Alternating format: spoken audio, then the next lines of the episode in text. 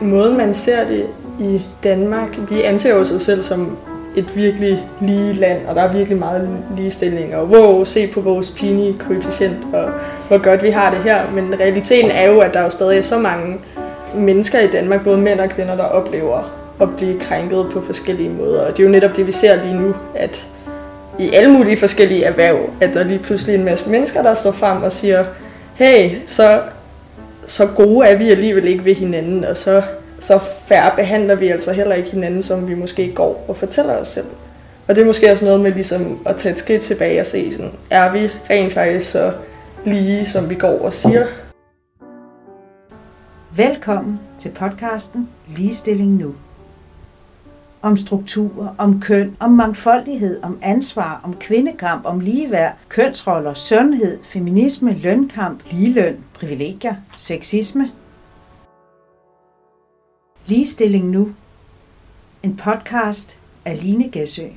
I dag taler jeg med to unge kvinder, Antonie Mørk og Johanne Würtsen. De er netop fyldt 18 år, går i 3. G, og de er aktive i øh, Operation Dagsværk. Desuden deltager Sine Valun, der er sekretariatsleder i Operation Dagsværk. Vi taler i dag om de unges forhold til sexisme og hvordan den nye generation ser på alt det, der sker i dag. Velkommen til. Det er dejligt, øh, at jeg kunne komme her ind til København og, og tale med jer to. Vil, I, øh, vil I fortælle lidt om jer selv og præsentere jer selv? Mm, ja, sure. Altså, selvfølgelig vil vi da det.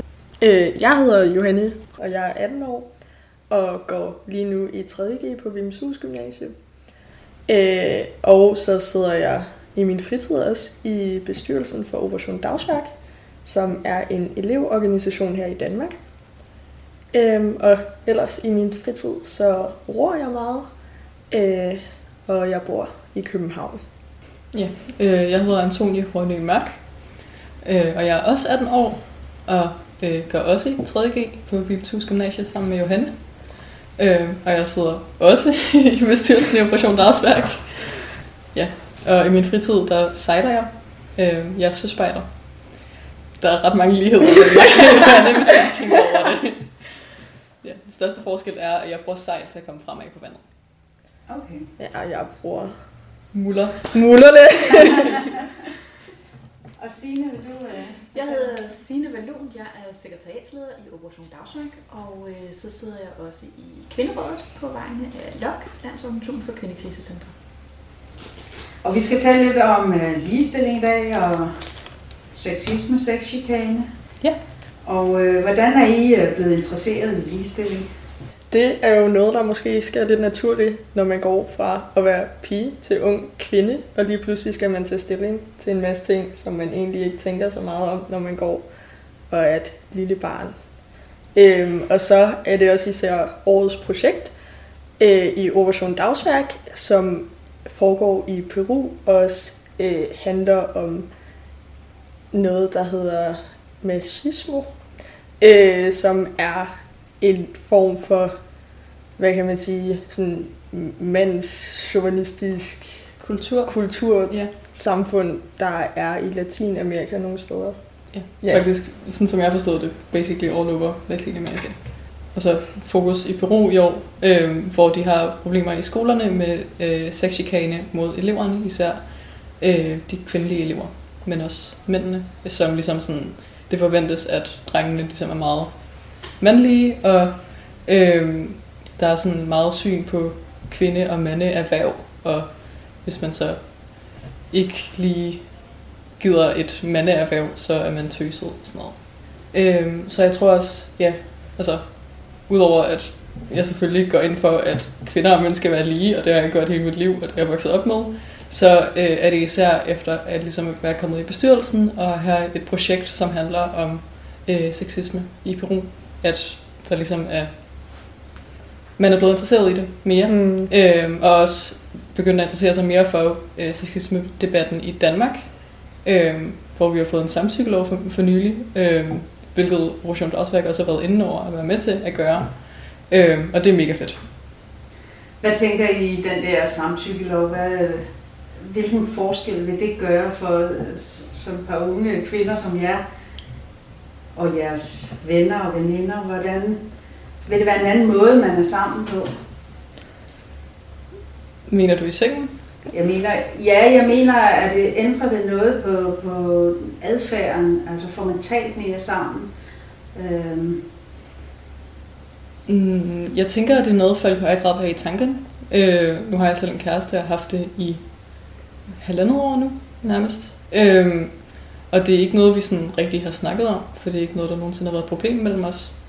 Øh, men jeg tror, hvis jeg så ligesom gik ud og ville være sammen med nogen efter en fest eller et eller andet, så ville jeg nok tænke mere over, at sådan decideret spørge, i stedet for bare at gøre et eller andet. Øh, spørge i stedet for at gøre. Ja, præcis. ja. øhm, og jeg tror også, altså sådan, øh, jeg har veninder, som føler, at deres grænser er blevet overskrevet. Øh, og jeg tror helt sikkert, at sådan, samtykkeloven ligesom kan gøre noget ved det. Også det her med, at man ligesom nu faktisk kan blive dømt for voldtægt, uden at der har været vold indover. Men mm. der ligesom kun har været tægt. Ja. ja. det, det er sådan et ret stort skridt også mod at undgå, at der sker uretfærdige ting generelt. Ja. Jeg tror også helt klart, at det kommer til at gøre en kæmpe forskel for de forskellige ofre, der har været for forskellige former for sexchikane.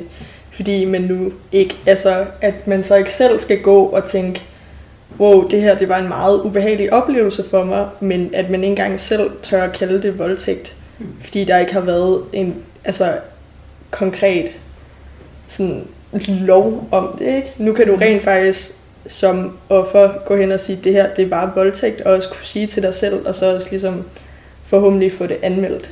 Så jeg håber helt klart, at man ser et større omfang af sager, som rent faktisk bliver anmeldt i god tid og bliver anmeldt ordentligt. Ja. Det her, øh, det her projekt, som øh, Operation Dagsværk laver, hvordan vil man, hvordan vil man gøre ligestillingen bedre i, i Peru? Øh, jamen, det handler meget om sådan samtale, altså sådan at få øh, lærerne indover, at få sådan, nu er det øh, meget pigerne, der ligesom sådan, i hvert fald i projektet, synes, det er et problem og sådan noget. Der er også nogle drenge, men også at få øh, drengene ind over, og ligesom sådan, basically, altså, slukkernet har været lidt start samtalen. Altså, vi bliver nødt til at snakke os fra det. Øh, fordi, ja, altså, det hjælper ikke så meget bare at indføre love eller whatever, hvis folk ikke ligesom, forstår, hvorfor de skal være der. Øh, ligesom i Danmark med samtykkeloven. Øh, hvis det ikke var, fordi folk, eller langt de fleste mennesker, er enige om, at det er godt, og det ligesom gør en forskel og forstår pointen med, at man skal samtykke, så er det jo ligegyldigt. Ja, og når man også har at gøre med noget, som rent faktisk er en kultur og noget, der har eksisteret i et land i århundreder, så kan du ikke bare gå hen og håbe på at kunne lave en lov bare sådan. Det, er jo, det handler jo om, at der skal ligesom skabes en forståelse og en indsigt indenfra, så det altså kommer fra hele samfundet selv, der ønsker at lave en konkret forskel som derefter så kan måske skrives ind i nogle love og nogle nye retningslinjer og nogle nye måder at for eksempel, det ved jeg ikke, også læreruddannelsen kommer til at være i Peru. Så det skal jo starte helt fra bunden af. Så projektet går meget ud på at lave en masse grupper, hvor man ligesom samler nogle forskellige mennesker på alle niveauer, altså helt fra elever, også til øh, myndighederne og lærere og forældre, som ligesom også i Peru også ligesom skal starte en samtale om, hvordan det er lige nu, og hvad man kan gøre ved det. Kan I se, er der nogle paralleller mellem, mellem noget af det, der foregår i Peru, og noget af det, der foregår i Danmark? Eller kan man sige sig helt fri for, øh, for sexisme ude på skolerne i Danmark? Der er sgu ikke rigtig nogen af mine lærere, der er sexistiske over for mig, heldigvis. Så langt så godt. ja. øh, og så er der hele det her... Øh, med øh, sexisme til fester og sådan noget. Mm. Øh, som i hvert fald er det klassiske spørgsmål. Sådan. Det har jeg altid haft lidt svært ved at udtale mig om, fordi jeg synes ikke selv, jeg nogensinde oplever det. Øh, men samtidig så tror jeg, at det på en eller anden måde... Jeg tror, det har noget at gøre med, at jeg generelt ikke tager sådan mega festligt tøj på. Og det er jo egentlig sådan et ret stort problem, at det, at du har noget bestemt tøj på, kan gøre, at du undgår sexisme eller oplever sexisme. Men det, der er mit indtryk, er, at de af mine veninder, som har lidt mere showy tøj på, de oplever sexisme, hvor jeg ikke gør det. Øhm, eller i hvert fald måske oplever nogle kommentarer eller whatever. Og så sådan, på den måde, der vil jeg helt sikkert sige, at det er der. Men som sagt er det ikke noget, jeg personligt oplever, så jeg er svært ved at udtale mig om det. Det er bare mit indtryk. Mm, ja, jeg tror også, at måden man ser det i Danmark, vi anser jo os selv som et virkelig lige land, og der er virkelig meget ligestilling, og wow, se på vores Gini-koefficient, og hvor godt vi har det her. Men realiteten er jo, at der er jo stadig så mange øh, mennesker i Danmark, både mænd og kvinder, der oplever at blive krænket på forskellige måder. Og det er jo netop det, vi ser lige nu, at i alle mulige forskellige erhverv, at der lige pludselig er en masse mennesker, der står frem og siger, hey, så, så gode er vi alligevel ikke ved hinanden, og så, så færre behandler vi altså heller ikke hinanden, som vi måske går og fortæller os selv. Og det er måske også noget med ligesom at tage et skridt tilbage og se, sådan, er vi rent faktisk så lige, som vi går og siger, og sådan, øh, ja, og kan vi rent faktisk tillade os at gå og kalde os, så, altså sådan, hvad hedder det, progressive, som man går egentlig og tænker om Danmark, når der stadig er sådan nogle helt indlejrede kulturer, ved for eksempel, hvad har det nu været, julefrokoster, som du siger, Antoni, fester, som gør, at der faktisk sker nogle ting, som ikke burde ske. Og her tænker jeg på det hele den sexisme-debat, der har været i kølvandet på Sofie Linde. Ja. Og, ja. og Zulu uh, Award-festen der. Ja, ja. Er det noget, I taler om uh, mellem jeres venner, eller hen i skolen måske? Øh, nej, ikke rigtigt. Altså det er noget, jeg sådan jeg snakkede lidt med min far om, fordi nu skal jeg på hensyn på det. Øh, og sådan lige her før, inden vi skulle ind og snakke med dig, der sad mig og Johanne og snakkede lidt ja. om det. Men ellers egentlig ikke rigtigt. Øh, så læser jeg lidt om det i avisen en gang imellem, og mm. tænker, hmm. Ja, jeg tror også, det er jo også noget, der er meget svært at snakke om, så jeg tror lige præcis, når sådan nogle her sager dukker op, så er det ofte på baggrund af nogle spøje, og så joker man, ligesom mm. vi sad med om Frank Jensen og sådan noget. altså, altså, ja, øh, altså det bliver ikke behandlet på en måde i for eksempel vores klasse, hvor det er, man går og siger sådan, nå, ej, det har jeg også oplevet til en fest, eller et eller andet. Det er mere sådan, ja, altså, det bliver ikke taget op så alvorligt, som man måske kunne have håbet. Nej. Ja.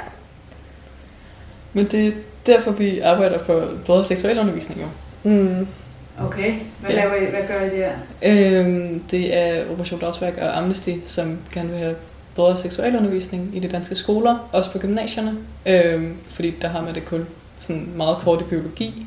Øhm, og sådan det seksualundervisning, man har, både i folkeskolen og på gymnasiet, det er ikke så sådan identitets- og grænseorienteret, det er mere sådan rent fysisk. Ja. Øhm, og, så ja, vi arbejder ligesom for, at der skal være et bestemt antal timer om året, man skal have seksuel undervisning, og at lærerne også i højere grad ligesom skal klædes på til at øh, lære os om det. For eksempel min folkeskolelærer, han kunne slet ikke håndtere det. sådan en biologilærer, han vidste slet ikke, hvad han skulle gøre. Sådan så er der bare til at læse, ikke om det andet kønsorgan, om vores eget organ i sådan en lektion. Øhm, og så var vi sådan, skal vi også læse om det andre? Sådan, nej. det er ikke noget og så var det videre til næste ting. Og så var det først sådan helt tilfældigt, da min samfundsfagslærer i 9. klasse fandt ud af, at vi ikke havde haft ordentlig seksualundervisning, at hun tog det op. Og også havde noget identitet over det. Ja. Øhm, men altså, hvis hun ikke havde været der, så havde det eneste, jeg vidste, været sådan, ja okay, sådan her fungerer dit eget kønsorgan. ja. ja. Og det, det er rigtig godt, at I, at I tager den problematik op, fordi det tænker jeg også er er et af de emner, hvor vi, vi tror, vi har god seksuel undervisning. Det har vi. Måske mm. i virkeligheden ikke, eller nogen har nok, men, men det skal nok øh, bredes lidt mere ud og standardiseres lidt mere. Ja. Det har slet ikke haft noget i gymnasiet? Jo, vi havde et øh, forløb kun i biologi, ikke? Ja. Jo, som handlede meget om, ja, selvfølgelig biologi, det biologiske, og så mm. også meget, øh, havde vi meget om nogle sexsygdomme, ikke? Jo. Øh, ja, og hvor hurtigt de kan sprede sig. Der er nogle sjove øvelser til det. Så øh, ja. Det var mega grineren faktisk. Og, og prævention har I vel også noget Ja, ja. ja. Øh, men altså, det, intet når det gælder grænser, intet når det gælder identitet. Og hvis mm. vi ikke havde mm. haft biologi, ved jeg slet ikke engang, om vi ville have haft seksuel undervisning. Og hvad med forskellige typer af seksualitet? Fordi vi ved jo, at 10 procent altså har måske en anden seksualitet, end, mm. end normen har. Hører I noget om det? Homoseksuelle? Øh, nej, igen. Øh, det, det var kun der min samfundsfagslærer i 9. som ja. lærte os om det. Øh. Ja, jeg tror også ofte, det er noget, der kommer fra eleverne selv. Mm. Det er ikke noget, som, som sådan lige nu er en del af undervisningsmaterialer også, som er så meget til stede. Det er mest elever, der selv spørger ind til det, vil jeg tro. Sådan var det i hvert fald da, på et tidspunkt, da jeg var ude ved sex og samfund og sådan noget. Ja, men ja, det er jo helt klart rigtigt, at der nok skal... Altså, det er jo derfor, vi arbejder for det, fordi undersøgelser har vist, at seksualundervisningen, som den er lige nu i Danmark, selvom den er obligatorisk, så er det langt fra alle, der rent faktisk får den, og så er det simpelthen bare ikke nok, det der er i den. Øh, vi var til høring inde på Christiansborg her for en måned siden. Ja. Øh, og det var faktisk i anledning af, at den obligatoriske seksualundervisning her i Danmark faktisk fejrer 50 år. Og det er jo noget, som vi kan være mega stolte af, og det er jo altså helt fantastisk, at både vi og vores forældre har kunne få den her obligatoriske seksualundervisning. Øh, men det er selvfølgelig så også på tide at måske lave en lille evaluering over, hvordan er det rent faktisk det går med den, og hvor mange elever, øh, som ligesom har fået den her obligatoriske seksualundervisning, føler rent faktisk, at de har fået lært det, som de ønsker, og er blevet klædt på til den virkelighed, som ja, sexverdenen og kærlighed og identiteten er. Altså, hvordan vi griber det an lige nu. Øh, og der kunne man simpelthen se, at det var langt fra alle de emner, der blev behandlet, som eleverne ønsker.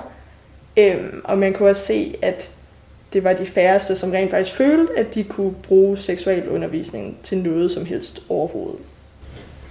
Men, men når nu seksualundervisningen er så mangelfuld, og jeg tænker, altså I er jo sådan meget øh, engageret og så videre, men der kan jo være masser af jeres jævnaldrende, der jo så ikke får viden, og måske heller ikke har nogle forældre, der klæder dem på, eller større søskende eller et eller andet. Mm. Øhm, hvor får man så øh, viden fra? Hvor søger man så viden om, øh, om alt det her? Internettet. Internettet. ja. ja. Det er altså, jeg tror nærmest aldrig, det har været nemmere at finde information om det, man ønsker. Mm. Spørgsmålet er jo så, om man så leder de rigtige steder på internettet, men yeah. jeg vil sige, at det er da en kæmpe gave, at unge, nysgerrige mennesker ikke behøver at, at spørge nogen, som de ikke føler sig trygge ved, om det så er deres forældre. Altså, der er jo mange, der kan synes, det er meget, meget pinligt og ubehageligt at spørge øh, sin mor, hvordan man for eksempel skal gøre, når man får sin første menstruation. Altså, sådan er det jo bare. Øh, så er det jo rigtig godt, at man bare lige kan google sig frem til nogle, ja. nogle svar. Ja. Jeg vil sige, at jeg har brugt det meget sådan, med at undersøge forskellige former for prævention. Altså sådan, Sex og Samfunds hjemmeside er legende. Altså, det er meget dejligt. ja. Det er godt, vi har sex og samfund. Ja, nej, ja, altså, der har jeg virkelig fået meget viden. Øhm, og der har de også vist nok nogle ting om grænser og forskellige køn og alt muligt. Altså, mm. det er virkelig en guldgruppe. Men ellers vil jeg sige, at også hele, altså bare Pride-uge i sig selv, øhm, den sætter virkelig meget fokus på sådan, ja, identiteten omkring øh, sex og, og køn, seksualitet ja. og køn. Øhm, så bare det, at der er en Pride-uge, gør også, at man lærer om, i hvert fald hvis man bor i København. Øhm, ja, for det er ja, ikke noget, der er i undervisningen. Nej, det er ikke noget, der er i undervisningen. Øhm, men sådan, for mig der har det i hvert fald gjort, at jeg så ved, okay, der findes en million milliard forskellige køn, og de er alle sammen mega seje, og regnbuefarver, yes. ja. altså, sådan, man kan ikke rigtig lade være at sådan, synes, at det er fedt, at folk er forskellige seksualiteter og køn, når man har oplevet Pride. mm. Alle skulle opleve Pride. Ja, virkelig. Altså, ja. For, folk vil synes, det er mærkeligt, at der findes andre køn og andre seksualiteter. De skal være til København i Pride uge. ja. ja, så ser man alle variationer. Ja, præcis. Og, sådan, og også bare fra en virkelig fed side. Altså, så ser man, at det ikke er en dårlig ting overhovedet.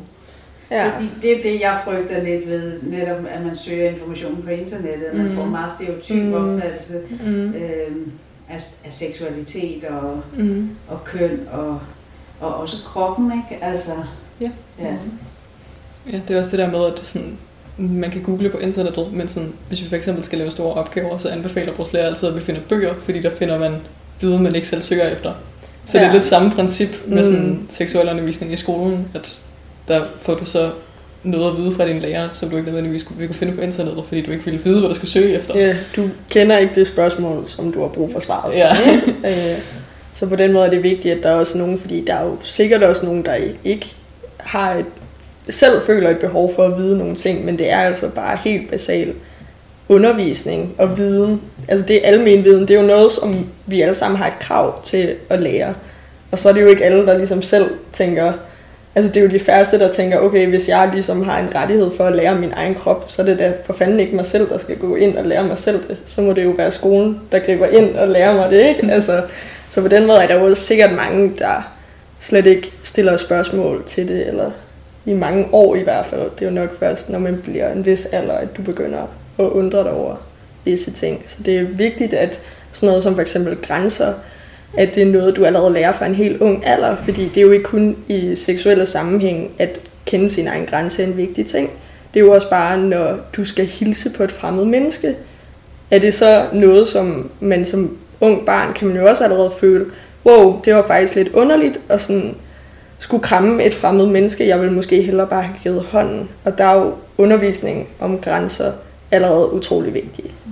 Ja, det skal man jo faktisk have helt fra børnehaven af. Mm om, hvor ens grænser er. Jeg tænker, det er noget, man arbejder med hele livet. Ja. Mm. Øh, altså det, det der med... flytter sig lidt. Ja, det flytter sig. Ja, det flytter sig. Det, det må de jo godt. Ja.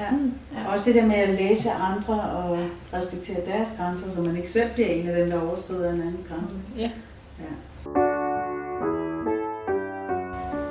Og I er i 3.G nu? Jeps. Ja. Så I står måske der, hvor I tænker, hvad skal jeg blive? hvad skal jeg uddanne mig til videre? Eller hvad skal jeg lave eller arbejde med? Øh, fordi det er noget af det, jeg, øh, jeg også beskæftiger mig med i podcasten. Det er jo karrierevalg og øh, uddannelsesvalg og sådan noget, fordi i, øh, i Danmark har vi et af de mest kønsopdelte arbejdsmarkeder. Mm. Vi, har, øh, vi har et af de mest kønsopdelte i verden, men altså også i Europa. Mm. Og, øh, og derfor synes jeg jo, det kunne være interessant at høre, hvad, hvad I tænker, I gerne vil være. Øh, ja, nu har du jo fanget to piger, som går på HTX. Ja. Øh, så det er jo til at starte med, det betyder, at vi er på en skole, hvor der er ret stort overtal af drenge i forvejen. Øh, og generelt interesserer os for, for sådan fysik, hvilket, hvor, hvor der også generelt er større overtal af drenge. Mm. Øhm, min plan efter gymnasiet er at tage på et skoleskib, fordi jeg kan rigtig godt lide at sejle. Så jeg vil gerne se, om det er noget for mig at arbejde med sejlads. Spændende. Ja, og det er jo det spørgsmål, man altid frygter, både fra alle man møder og ens familie. Ja, har du tænkt dig, ja, hvad, hvad, det hvor, hvad laver du nu? det er jo heldigvis ikke. Ja. Det, stadig, det, det, det, står også, når du bliver 30 år, så står det stadig. du sagde dengang, ja. at du... Ej, ja. Øh, ja, lige nu har mit fokus primært bare været at komme igennem gymnasiet, og så tage nogle velfortjente sabbatår. Øh, og så har jeg faktisk kun været lidt inde og kigge på nogle meget få forskellige uddannelser. Øh, og det ene var en ingeniøruddannelse, øh, men en ortopædisk ingeniøruddannelse, så altså no, en form for erhverv, hvor du også arbejder med at lave proteser til folk, så det er faktisk lidt medicinsk og noget anatomi ind over det. Ellers havde jeg faktisk ikke rigtig overvejet særlig meget. Det synes ja. jeg er mega sej overvejelse. Ja. Det har jeg aldrig hørt nogen tænke over. Jamen, det, det, og det var kun noget, jeg stødte på, fordi jeg sad her, jeg tror det var i august, og fik sådan en lille krise over, at nu bliver jeg 18, og jeg har ingen idé om, hvad jeg laver om et år. Øh, så jeg, jeg var inde på uddannelsesguiden, som også bare er en smuk, smuk hjemmeside. Øhm, og så klikkede jeg bare alt igennem, tror jeg. Øh, ja, men den uddannelse, den foregår primært i Sverige. Og det har jeg heller ikke helt taget mig sammen til. har, du, har du fundet en øh, tilsvarende i Tyskland? Nej, fordi tyske hjemmesider, hvad angår uddannelse, det er det værste, jeg nogensinde har vil sige, man kan godt tage sin uddannelse i Sverige. Jeg har taget min uddannelse okay. i Sverige. Det, øh, ja. det dør man ikke af. Nej, det ved jeg godt. Men, men det var også fordi, ja. det var en eller anden åndssvag by, ikke? Ej, det er fint nok, det er ikke særlig langt væk, men det var fordi, jeg havde mere overvejet, at hvis jeg skulle tage min uddannelse i udlandet, så ville, jeg, ville det være oplagt for mig at gøre i Tyskland. Jeg er halvt tysker, og sprog ville være intet problem, og jeg har også tysk statsborgerskab, så jeg tænkte, det kunne være rigtig spændende. Men jeg kan simpelthen ikke finde ud af, hvor jeg kan finde den information hen. Alle de universiteter, jeg kiggede på, til de forskellige sådan, uddannelser, man skulle tage, der stod ikke noget information om dem. Til gengæld stod der bare en e-mailadresse. Så de ville have, at jeg sådan selv skulle tage initiativ til at skrive til en masse. Og jeg, jeg søgte egentlig bare sådan helt basal information, som hvor helt konkret foregår den her uddannelse, og hvor lang tid tager den. Jeg synes bare, det var meget unødvendigt at skrive en fælles mail til sådan en million milliarder ja, det bliver jo nødt til, men jeg, jeg tænkte, der må der være et eller andet sted, hvor jeg kan finde den her information. Ja.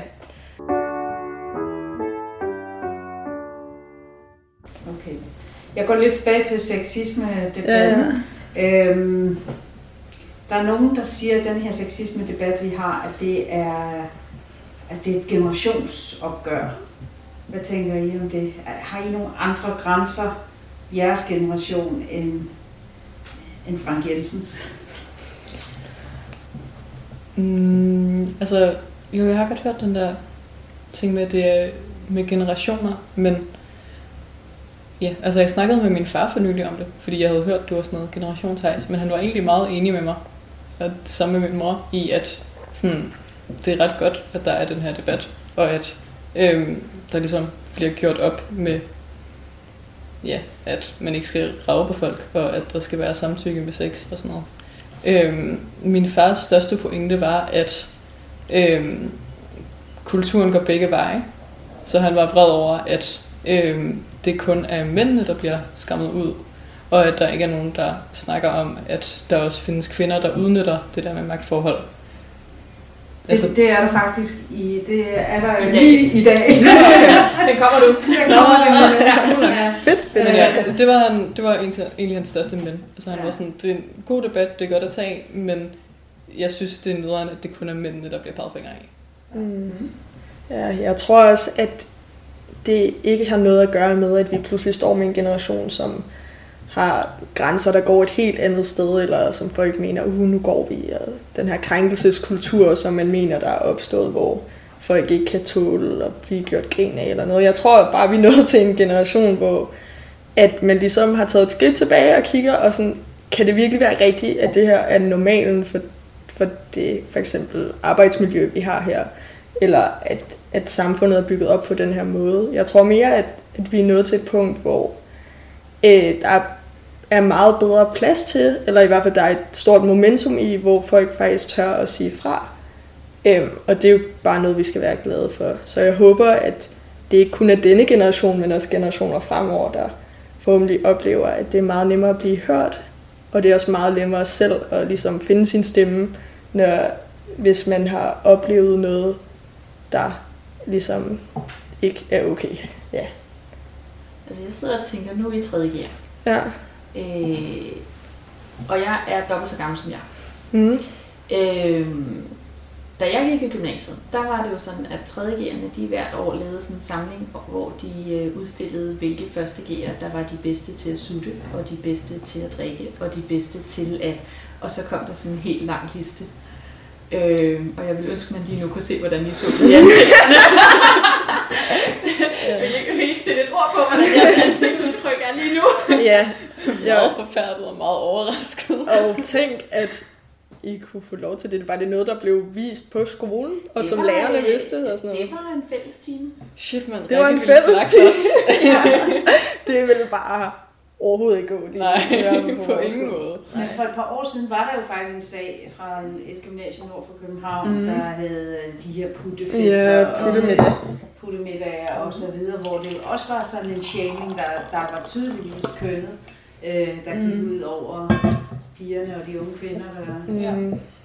der begyndte på gymnasiet. Hvad, altså, jeg, kan ikke, jeg, jeg ved ikke helt præcis, hvor længe det er siden, men, men I må have næsten... Ja, ja, jamen, altså, ja vi gik i gymnasiet. Ja, ja, øh, ja det, det Jeg tror, vi gik i første G.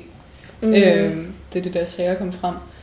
Øh, det er ikke noget, jeg synes, vi oplever på vores skole rigtigt. Altså, øh, vi har nomineringer øh, mm. til vores gala. Øh, og men vores øh, rektor censurerer dem. mm. så øh, der er en nominering, der er et eller andet sådan årets festdag, som handler om druk eller et eller andet. Og, men mm. der er ikke noget mig bekendt, som jeg kan huske, der ja, handler der om er, sex. Ja, der er jo bare årets putte, så det er selvfølgelig årets første ja, men den kan jeg ikke være på baggrund af sådan... Udseende? Ja, Ja, det ikke, ikke nødvendigvis i hvert fald. Altså det, det er ikke sådan retningslinjer for, hvad man vælger det på. Vi har i hvert fald, vi har for eksempel også en årets 3. G'er, som bare generelt er den, som, hvor der er flest på skolen, som kender den person, fordi Ja, ja, ja, vedkommende flest så stemmer. man... Ja, ja, ja. Så, så egentlig, egentlig handler det primært om, hvem, at der er flest, der kender en. Mm. Jeg har ikke lagt mærke til, om det så også går op med, at det er den første gear, som er pænest. Altså, sidste år var det ikke Søren, der blev årets første gear. Jeg kan ikke huske det. Jeg kan ikke huske sidste års nomineringer, det var jo også midt i coronatid, mm. og de prøvede at prøvede, altså jeg Prøvede at lave jeg tror, der var ja. noget livestreaming af det. Men ja, jeg vil sige, de nomineringer, der er lige nu, det er ikke nogen, hvor man vil føle sig specielt udsat, tror jeg, hvis man fik nogle af dem. Men der er selvfølgelig nogen, der går ud på, okay, haha, den her person slår sig løs til festerne og drikker vildt meget. Men øh, Mm. ja, Men det er ikke noget, der går på sexisme, eller I oplever som chikanerende eller noget? Øh, Altså- jeg tror, jo, der er, der er der en, hvor det er årets pige årets dreng, hvor Ja. tanken så er sådan, haha, de shippes nu. ja Øhm, det er bare årets det- pæne pige og årets pæne dreng. Ja, men det er vel også lidt... Ja, men Jamen, det går ud, lige meget ud over begge. Men det, det, Derfor er det gør det selvfølgelig ikke. Okay, ikke.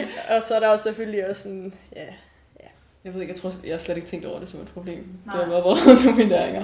Altså, ja. det- Øhm, Mm, men altså det pudsige ved sådan noget her, det er jo, at man tit, altså at man måske er i det uden at tænke over det, Ja. og så først på et senere tidspunkt faktisk tænker, gud det her, det var jo helt vildt diskriminerende. Mm. Men den anden mulighed kan jo også være, at, at det faktisk slet ikke er der. Altså, at der Ja. ikke er nogen former for diskrimination øh, på køn.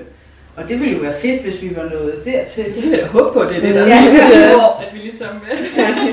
Fordi man kan jo se med nogle af de sager, der har været, for eksempel øh, i det politiske, ikke? både med, med Frank Jensen og Morten Østergaard, at, mm, at dem, der har været i det, har jo været i det i rigtig mange år, uden at sige fra. Mm. Øh, fordi de måske bare har tænkt, sådan er det. sådan er det, sådan er han. Når han bliver fuld, så er han bare sådan der, eller mm. et eller andet, det, Ja. det, uden at, at blive personlig i det her, men, men så, har, så kan man jo have tænkt, at ja, men, øh, det er bare sådan, det er, det er et vilkår, ikke? Og så er det først på et eller andet tidspunkt, at man tænker, nej, nu, nu er nok nok. Jeg kan da huske, at jeg har været i situationer, hvor man ved, der er en eller anden mand, som bliver pågående. Så derfor så laver man sådan en strategi for at sørge for, at det er en anden mand, der skal sidde ved siden af ham, når han er så Ja. fuld. Mm. Sådan at man beskytter især de unge kvinder omkring ham. Ja. Øh, det er da sådan nogle helt bevidste valg, jeg har været med til at altså, lægge sammen med andre. Altså, for eksempel til en julefrokost, sådan, så, så placerer så lægger vi bordkort, når han bliver meget fuld, eller hun Ja. bliver meget fuld, og begynder at rave på nogle lår, så må vi hellere have to hårde eller, eller i hvert fald det der med sådan Ja. senere på aftenen, når man er begyndt at flytte fra, fra, fra sine pladser, ikke? Ja. At, at, øh, at alle kvinder i afdelingen ved, at ham der skal man passe lidt på, så derfor så, Uh, så ja. backer vi lige hinanden op i en, i en situation. Ej, det er vildt at høre det, fordi jeg havde på sådan for nylig en snak med min farmor, hvor vi også var lidt på det der MeToo, hvor hun faktisk fortalte om netop det. Og hun er, har altså været hjemmegående husmor i 60'erne, Ja, så det her det er fortsat for evigt. ja jamen, det er det. men, men, men hvor hun også fortalte om, at det var som en privat julefrokost, men hvor de også sådan ligesom pigerne træk lodder om, hvem der skulle sidde ved siden. nej, nej. Ja. Endnu værre. Ja, det var mega surt. Og så trækker man bare 19. Ja. Ja. Altså sådan, åh, fuck. Ja, præcis. Og jeg var sådan, wow, hvad? øhm, ja. Men jeg synes på en eller anden måde, det er meget rart, at I sidder og er så altså, fuldstændig og ryster på hovedet og er dybt chokeret over det her. Ja, Det ja. synes jeg sådan set er meget rart. Fordi så, øh, så virker det da som om, at I i hvert fald ikke har været udsat for, for de her situationer. Nej. Det håber jeg, at så bliver ved med at være. Mm. Ja. Mm. Ja. Ja, det gør jeg da også. det er jeg da helt enig med. Det. Ja. Jeg tror også bare sådan, de folk, jeg, altså julefrokost med, det er nogle af mine gode venner. Altså sådan, de ville bare ikke grave på mig. ja. Ellers så er det sådan, de, der er så gode venner, hvor man Ja. alligevel går og klasker hinanden på røven. Ja, ja, så er det Altså. Om man er fuld eller ej. Mm. Altså, ja. Men hvor det ikke er grænseoverskridende, hvor det bare er... Ja, præcis. Ja. Mm. Men ja, nu har jeg heller aldrig været til en julefrokost, hvor det ikke var med mm. mine venner. Ja, altså, jeg har heller aldrig sådan... været til en firma julefrokost. Nej, præcis. Så det er nok noget andet der. Ja. ja. Eller, det håber vi jo så, det ikke er. Nej, nej, nej. Men det, det lyder som om, det er noget andet der. Mm. Ja, ja. Men det er jo selvfølgelig vigtigt, at, øh, at jeres generation lærer noget af vores generation. Mm. Altså, at, at det går den rigtige vej, så vi ikke øh, sidder her igen om 18 år og tænker, mm. det, det fortsætter bare det her. Måske er det i virkeligheden det, der ligesom er sådan generationskløft på en eller anden måde, at vi er ligesom blevet opdraget til, at det sker bare ikke. Det er ikke en ting. Det er mm. ikke noget, vi gør i Danmark. Øhm, Nej. ja. øh, og så, I don't know, så kommer vi ud, og så oplever vi, at det sker, og så er vi sådan, ah, det må man ikke. Ja. Så ja. Men det siger jo også noget om, om de unge mænd, tænker jeg, at de, de er måske også mere bevidste om, hvordan man skal opføre sig. Mm. Det er jo ikke kun det at sige fra som, som kvinde, mm. men også at mændene bliver mere bevidste om, at øh, hvad der er rigtigt og forkert adfærd. Ja. Altså det vi har talt om i bestyrelsen, også med nogle af, af drengene i bestyrelsen, de er jo forfærdet over nogle af de historier, der kommer frem lige nu. Altså mm, de ja. er sådan på grænsen til at tro, at det er løgn. De, ja. de er sådan helt sidder og ryster endnu mere på hovedet. De kan jo slet ikke se, hvordan fanden kan man få sig selv til at gøre. Altså, ja. ja ikke? Altså, det... de drikker sig jo også stangstive hele tiden. Det er ikke fordi, det kramser på folk. Nej. Nej. de er aldrig også gammel dansk. Ja. det er vi alle sammen. Det er vi alle sammen, ja. ja. Nå, det har fået et comeback, gammel dansk. Ej, det har altid været. Her er det blevet hængende. det var blevet hængende, tror jeg. Ja. ja okay. Altså, nu er vi jo begge to 18, og det er ikke så længe siden, vi er blevet det, ikke? Og så har der været det her corona indimellem, hvor det hele er lukket ned, og alle de forestillinger, man havde om sådan, Woo! så skulle vi da bare ud. Endelig kunne vi tage ud og klubbe og møde nogle nye mennesker og tage på bar, som jo også er nogle scenarier, hvor man netop godt kan ende med at blive udsat for de her ting, fordi der er en masse mennesker, og folk er for det meste fulde. Så jeg vil også sige, at nogle af de situationer, hvor man ligesom også kunne have været udsat for de her ting, og hvor man oplever de her ting, øh, som ikke er arbejdspladsen i det her tilfælde, eller skolen. Det er også bare noget, som jeg personligt ikke har været en del af endnu. Heller ikke her. Så ja. Altså man har ikke kunne gå i byen ordentligt. Nej. Nogensinde. Nogle, ja, ikke fordi vi var, vi var for unge, ikke? Og, og så jeg, okay, jeg, jeg fyldte 18, jeg tror, en halv måned inden corona. Ja. Og af en eller anden grund, så gik jeg ikke i byen før efter corona, hvor jeg så ikke kunne. Ja. ja. Så, så det med at være blevet myndig, det er I simpelthen blevet corona-ramt af? Ja, ja, det er ikke så fedt. Corona-myndig. Ja. Men altså, ja, så for eksempel det her med, at hvis man så skulle have været ude at danse på en klub, det bliver også bare her varmt, så har du heller ikke din dynejakke på og lange bukser og sådan noget, ikke? Og, mm. og hvis vi nu vender tilbage til det, der du siger med, at, at sådan, eller det som man hører er, at at der er nogen, der opfatter det som, at man har lidt beklædning på til en invitation til at komme og, og mærke. mm. altså det er heller ikke noget, jeg har været i en situation, hvor det har kunne ske endnu heller ikke. Så ja. Så øh, nu er vi måske det er noget, vi kan glæde os til. ja. Nej.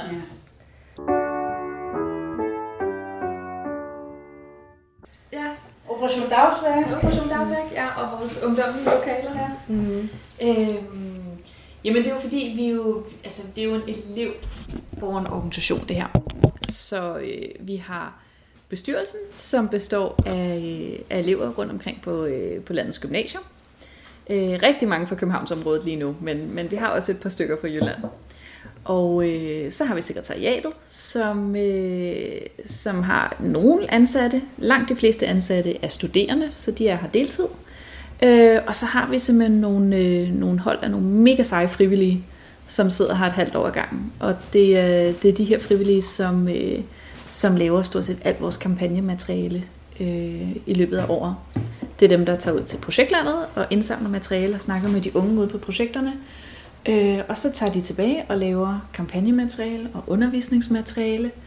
Og så tager de rundt på skolerne og holder oplæg. Så det er, øh, det er sådan en blanding af, af folk, der, jeg tror, hvad, jeg tror Reine, hun var 14, da hun startede, og så 13. til 13, da hun startede.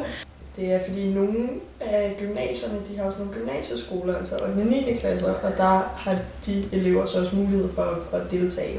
Så hun gik i 8. Ja, ja. hun komme ind i bestyrelsen. Så hun, hun startede der, og så har vi så nogle af de frivillige, de er så et par 20, ikke? men det er sådan cirka der aldersspændet er. Mm. Øhm, og det siger jo også bare noget om hele atmosfæren herinde. Mm. Ikke? Øhm, at det er bare det er sjovt, ikke? altså, der, er bare, der er bare altid gang i den. Øhm, og nu, Line, du har ikke engang været her så lang tid, men da du kom, var der, der sådan rimelig gang i den, trods ja, ja. det, at vi prøver at minimere og corona og alt muligt. Ikke? Men altså, der er stadig lige folk, der skal ind og ud og komme og gå. Hvor mange ansatte er I så?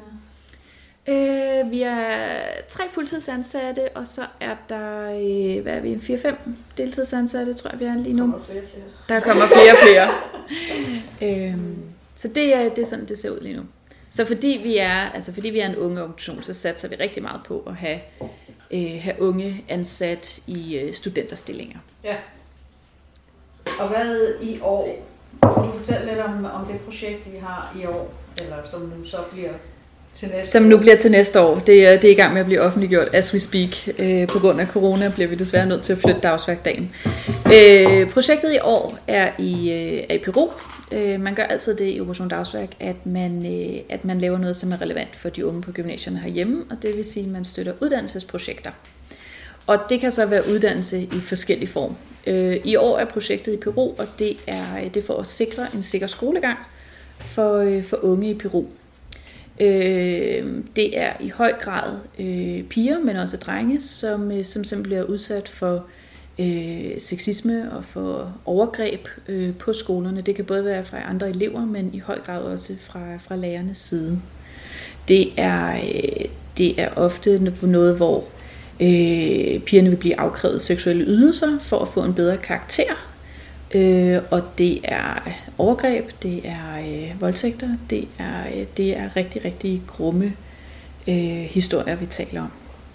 Så det er, det er simpelthen for at støtte op om at skabe sikker skoleliv for, for unge i Peru. Sejt. Godt. Mm-hmm. Mega fedt. Hvordan øh, vælger man sådan et projekt? Jamen det er, det er jo faktisk eleverne, der gør det.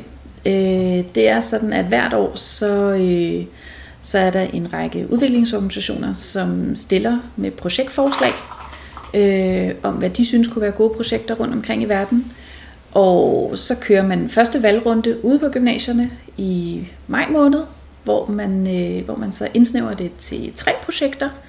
Og de tre projekter, de, øh, de er så med på stormødet sidst i november, og, øh, og står og fortæller om hver deres projekt. Og så skal deltagerne på stormødet, eleverne, simpelthen vælge, hvilket projekt, der, der bliver valgt ind. Så det skal vi til om under en måned, og det er vanvittigt spændende hvert år at finde ud af, hvad, ja. øh, hvad er det for et projekt. Ja. Og der er så mange følelser på spil. Ja, det er helt sindssygt. Det er, ja, det er Alle projekterne er så vigtige, og sådan, mm. folk har, får yndlingsprojekter, og så står de bare og holder sådan, taler, som om det gælder deres liv, for yeah. hvorfor man skal vælge det her ene projekt frem ja. for det andet. Og, og det også, ja, de frivillige, der er med, som ikke er elever, ikke? Øh, aktivisterne kalder vi dem, som er med til at hjælpe med ligesom at klare nogle af de praktiske opgaver på stormødet, de har altså også virkelig alligevel nogle store holdninger til, hvilket projekt der skal ja. vælges, selvom de ikke må være med til at stemme. Ja, og selvom så, de ikke rigtig må have indflydelse på ja, de, holdninger ja, heller. Men ja, de, ja, det er jeg snakkede for eksempel med en sidste år, som fortalte, at sådan, hun ville kun vælge at være sekretariatsfrivillig, hvis det var det ene projekt, der blev valgt. Ikke? Så ja. på den måde er det også en del af deres fremtid, eller et halvt år af deres mm. liv, der ligesom afhænger af, hvilket projekt, der bliver valgt. Man lægger ja. liv og sjæl i, i det projekt, ja. det, det år, man ligesom kører mm. kampagnen. Ikke? Øh, når projekterne de så bliver valgt ind, så, øh, så kører man kampagne et år, og så skal, så skal organisationerne så implementere dem rundt omkring i verden. Og det, øh, det tager et eller andet sted mellem to og et halvt og 3-4 år, alt efter hvor mange penge, der bliver, der bliver skrabet sammen. Og så, øh, så sidder der jo nogle opfølgningsgrupper i Operation Dagsværk, som, som følger de her projekter, og som læser det materiale og gennemser det materiale, som, øh, som bliver sendt ind. Så det er jo også, det er jo også noget, folk har inde på livet rigtig mange år. Ikke? Jo, det er vildt spændende. Det er så spændende. Det er super fedt. Det er også det fedeste ved at være bestyrelsesmedlem, efter min mening. Det er sådan, når der kommer nyt fra projekterne, fordi vi skal godkende deres rapporter. Sådan, der er en ny rapport per halvår, og så skal vi sådan, øh, ja, tjekke, om de øh, har gjort de ting, de, ville, de sagde, de ville gøre, og opfylder de mål, projektet har. Og, øh, og så er der dem, der sidder i økonomigruppen, de skal så skrive under på udbetalinger på sådan halve millioner kroner. Det er ret vildt, ikke? Ja, At sidde og skrive under på. det er bare, altså, det der med at læse rapporterne fra projekterne, det synes jeg er det fedeste. Mm. Og det bliver spændende nu, ikke? Nu corona har sat ind for at se, Mm. altså, hvordan har de Ja. præsteret og, og Mhm. gøre det. Jamen, vi har jo godkendt Ja. alle mulige ting. Så vi har allerede skulle ændre eller godskrive nogle ja, no-cost extensions på eller Ja, projekter. og også, øh, hvad var det, DACA-projektet, hvor ja. øh, de sådan bad om at få udbetalt nogle ekstra midler. Øh, sådan, ja, altså det er ikke fordi, vi giver dem ekstra penge, det er bare fordi, de så har færre penge på lang sigt. Ja. Øhm, for at sådan kunne lave nogle coronatiltag, sådan mm. Mm. eller andet online undervisning og noget, ja, Ja. alt muligt sejt.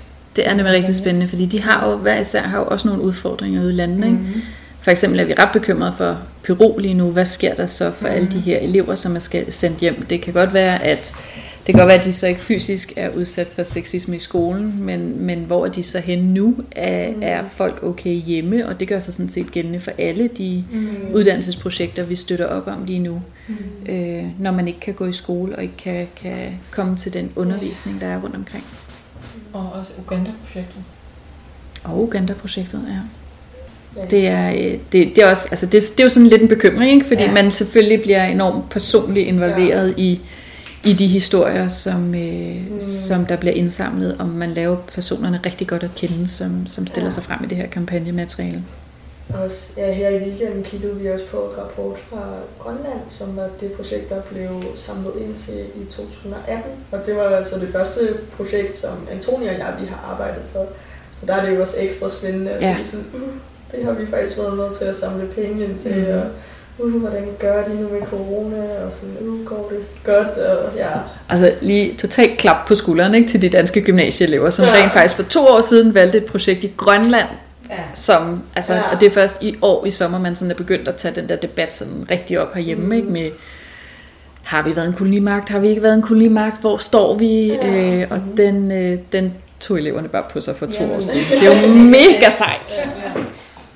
Og der var også et eller andet, de fik igennem der med Grønland, en eller anden ny ting. Ja, det var fordi, at hejs. faktisk har undervisning om rigsfællesskabet, altså hvordan, hvordan er det egentlig, Danmark hænger sammen med Grønland og Færøerne, det har slet ikke stået i pensum øh, indtil for, hvad, så Indtil to år 2018. siden, ja, 2018, Ja. ja. hvor vi så også kørte sådan en lille kampagne her i Danmark, for ligesom, hvor vi samlede underskrifter ind, så det kunne behandles i, i Folketingssalen. Ikke? Mm. Øh, så det nu faktisk er en del af den undervisning, som man som elev i Danmark får. Fordi det er da enormt vigtigt at tænke, at, at folk ikke rigtig forstår, hvad vores sammenhæng er med Grønland og Færøerne. Altså, jeg har ikke haft om det. Ja, Jeg er blank. ja så det er da mega fedt, at man så også ligesom kigger lidt mere indad, i stedet for bare at tænke, at problemerne ligger langt væk og uden for Europa. Og, og så at vi faktisk har valgt et projekt, som er en del af kongeriget Danmark. Ikke? Mm. Det, er jo, det er jo ret fedt også, at eleverne ligesom har set, hvor der er faktisk nogle unge mennesker rigtig, rigtig tæt på os, som, som vi skal støtte. Ja. ja. Så I har faktisk haft indflydelse på undervisningsplanen, kan man sige. Ja. Ja. Det er jo også en del af det. Øh, Ja. Der står i vores politiske papir, at vi skal arbejde for øh, mindst de samme rettigheder i vores eget land som i andre lande. Så ja. Ja. vi skal ligesom, ja, ligesom når vi har om sexisme i Peru, så skal vi også arbejde mod sexisme i Danmark. Mm. Og bedre seksuel undervisning. Mm. Yes. Fedt. Skriv under i dag! ja. Men det er en vigtig pointe, det der. Jamen det er det da. Mm. Ja. Ellers så kan man sidde her og synes, man er godt til, som Mm. du sagde, vi tror, vi har ligestilling, ikke? Og Ja. det er vi ligesom opvokset til at tro. Det er nemlig ret sejt. Fedt. Det er nemlig ret sejt. Det er vigtigt. Så hvis I gerne vil støtte Operation Dagsværk derude, så Ja. sig til jeres familie, der går på gymnasiet, at de skal være med i dagsværkgruppen. Og skal arbejde på dagsværkdagen og høre en dagsværker. Og, Og komme med i bestyrelsen, fordi det er virkelig sjovt. Og wow, hvor lærer man meget. Og nej, hvor er det fedt rigtig at komme ind i sådan et foreningslivet i Danmark på den her måde. Det fede er, at det er jo ikke kun foreningslivet, I har herinde. I, jo, I sidder I jo også det med, med udviklingsarbejde. Ja, ja, og en får bare hele Altså, det er, sådan, paletten, det er altså. hele, hele guldgruppen. Ja, altså, Ja. Vi er en. Og wow, hvor har jeg lært meget om geografi. Åh, oh, gud, ja. ja. Hvor ligger Peru? det sjove, det sjove var faktisk, at vi har sådan verdenskort hængende op på væggen, og det, øh, det har alle sådan rimelig styr på efterhånden. Ikke? Hvor, hvor er landene og sådan noget. Men, øh, men her for nylig, så måtte vi ud og købe et Danmarkskort, fordi det var ikke lige... Det Hvor ikke- ligger det de her byer? Hvilken region er det, Ja. ligger? Og der, der var lige sådan et spørgsmål omkring Brønderslev og sådan noget, hvor... Øh, Og det, det ved jeg dog godt. Ja. Ja. Men det er kun på grund af Anton. Det kunne du godt have, Anton. Ja. ja, ej, det er bare virkelig fedt. Det er simpelthen den fedeste fritidsaktivitet, det er at lave ting, som rent faktisk, hvor man selv kan sidde og sige, hvor jeg laver noget vigtigt arbejde, og nøj, hvor er det spændende, og nøj, hvor er det Mhm. bare sjovt. Ja. At se de der unge mennesker fra andre lande får det dejligt. Eller i hvert fald bedre. Mm. Man kan virkelig mærke, at sådan noget frivilligt arbejde, det giver bare virkelig meget, og man er så meget mere motiveret til det. Altså, så sidder man i undervisningen på skolen, og så, sådan, "Ah, så åbner man lige mailsene op og tjekker Ja. dem, og sådan, Jeg kunne tjekke mails, jeg kunne lave matematik. uh, Jeg tjekker mail. ja, ej, men det Ja, okay, netop matematik følger jeg med i. Jeg tror mest, det er dansk, der er problemet. Og engelsk sidste år. det var der, jeg lavede alt OD-arbejdet. ja, ja, det er virkelig fedt at fylde sådan sin fritid med nogle fede aktiviteter og events. Og... Jeg tror ikke, der er et eneste projekt, hvor for eksempel lige inklusion er både ja, sådan mænd og kvinder. Jamen, det står I, jo... i selve projektet. det er et af kravene Det er til et af det, kravene, altså. ikke? At sådan, ja. Men ja, det er nok dem, der har haft mest fokus på det. ja. Også overvej, at det er på grund af Operation Dagsværk, at der var første Pride i Kenya. Hvor fucking sejt er det lige? det er nemlig mega sejt. Det er det vildeste. Mm, det, er, det er lidt sejt. Men det er lidt sjovt sådan ting, når de flytter, ikke? Fordi Ja. Kenya-projektet, er det fire år siden eller sådan noget, man, man kørte det? Mm-hmm. Øhm, og det var nemlig et LGBT-projekt. Og det sjove var, var det dig, Johan, eller en eller anden, der stod og kiggede på plakaten en dag herinde og sagde, man fokuserer jo kun på bøsser eller lesbiske i det her. Mm. Det er ikke særlig queer. Hvad med dem, der ikke definerer sig som hverken det ene eller Ja. det andet, og hvad med Mm. dem, der ligger lige imellem, ikke? Hvor er plusset? Hvor er, og hvor er det henne, ikke? Men jeg bare tænker, der er også bare, altså, bare på fire år er der rykket helt vildt meget lige der. Mm-hmm. Ja. Men på det tidspunkt var den fandme progressiv. Ja, Ja, jeg synes også virkelig, det er... det er det fedeste projekt, der er sådan, eller et af de fedeste at læse om også. Der er bare sådan, Ja. der har ikke rigtig været så mange problemer, og sådan, de har bare Og opnået resultaterne målene, har og- bare været så Ja. fede, ikke? Ja. Men det er også sjovt at se de projekter, der bliver valgt. På en eller anden måde synes jeg bare altid, at det passer her godt med det, der så ender med at ske på en eller anden måde. Altså for eksempel Peru-projektet, som virkelig handler meget om, om sådan nogle krænkelsessager. Ja, så kommer der MeToo i Danmark. Altså, MeToo så er det, det ligesom blusser op på et helt nyt, ny plan nu, ikke? Ja. hvor man rent faktisk hører konkrete sager, og sådan store sager. Ikke? Mm. Og det var bare sådan, wow, det er lige det, vi så med. Så kan vi det bare byde virkelig meget ind. Altså, Mm. ja, så det er bare fedt. Mm. Ja. Det blev forudset af eleverne i foråret for sådan et år siden. Ja, os Mm. Gør vi gode, Johanne. Ja, I skal bare spørge. Hvis I vil vide, hvad, hvad ting næste år bliver, så bare spørg, ikke? Ja.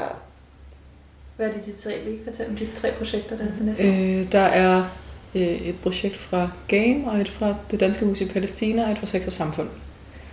Øh, og øh, Games foregår i Libanon, øh, og handler om øh, sådan noget med, øh, der er åbenbart ret mange syriske flygtninge i Libanon, det anede jeg ikke, før Ja, jeg der er læste det der. Ja, øh, det har de store problemer med, og det betyder, at libaneserne, de synes, de sy- syrerne er super fucking nederen, og beskylder dem for sådan alt ondt, og der har også været den her store eksplosion i Beirut, og generelt er Libanon på den anden ende. Øhm, men sådan, projektforslaget kom inden den der eksplosion, anyway. Igen. Nej. Det, det skal man, jeg vil ikke sige, at det er sådan rigtigt... Uh, nej, nej, nej. anyway, Ja. øhm, så det er sådan, hele princippet bag game er, at øh, de laver sådan nogle, øh, de samler folk ved at øh, dyrke sport. Øhm, så, de, så projektet går ud på at uddanne nogle øh, folk, der ligesom kan, ja, nogle game makers eller noget, som kan lave sport med både syre og libanesere, og de der, der bliver uddannet, mm. skal også både være syre og libanesere. Øhm, så sådan, de ligesom kan lære at se, at hey, der er ikke så stor forskel på os, og vi er faktisk alle sammen ret nice. Øhm, og også bare kan have noget tryghed i et land, som bare er helt weird, og fokusere på noget andet, end at, I don't know, få mad på bordet. Altså det virker mm. som om Beirut er helt i stykker. Ja. så det ja. er det projekt. Og så er der det danske hus i Palæstina. Vil du fortælle om det? Jeg var ikke med Nå, til den del, okay. hvor vi læste så, hele igennem. okay, så er det kun mig, der gør. Jeg kan ikke rigtig huske så meget af det. Okay, det danske ja, hus i Palæstina. Jeg kun det fra sidste øhm, år. Ja. Det er selvfølgelig et projekt i Palæstina. Øhm, og så er der hele den der Israel-Palæstina-konflikt. Øhm, men det her projekt, det er sådan... Altså jo, selvfølgelig handler det om Israel-Palæstina-konflikten, fordi det er der, men det er mere fokus på sådan de unge, og at de unge i Palæstina ikke rigtig øhm, bliver hørt så meget, og at, øhm, eller at de ikke bliver hørt, og at de har brug for et sted at være kreative, og ligesom udfolde sig kreativt øhm, i den her i det her land, hvor de bare har været i en konflikt for evigt, og ikke rigtig kan have det fedt, fordi der er mm. stress på hele tiden. Så det er sådan noget med nogle telte, de vil stille op, som er derfor hurtigt kan pakke ned igen, hvis der sker et eller andet. Øh, hvor de unge så kan komme og lave kunst, og sådan udfolde sig kreativt, og lave øh, kunst, som ligesom forklarer, hvordan de har det i den her konflikt. Øh, ja. Og så er der sex og samfunds, øh, som foregår i Etiopien, og som handler om sexarbejde.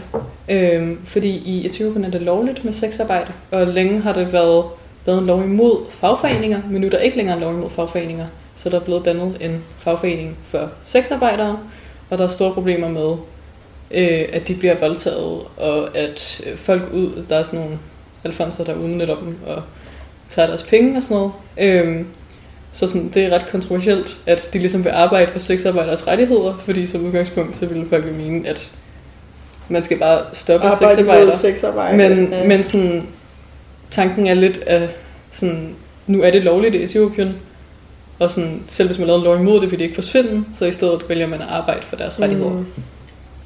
Ja, det kan jeg huske, vi snakkede meget om i bestyrelsen mm. i foråret. Der skal man godkende konceptpapirerne for de indstillede øh, sådan projektforslag, og der fik vi også snakket meget om, wow, det er et meget kontroversielt projekt. Mm.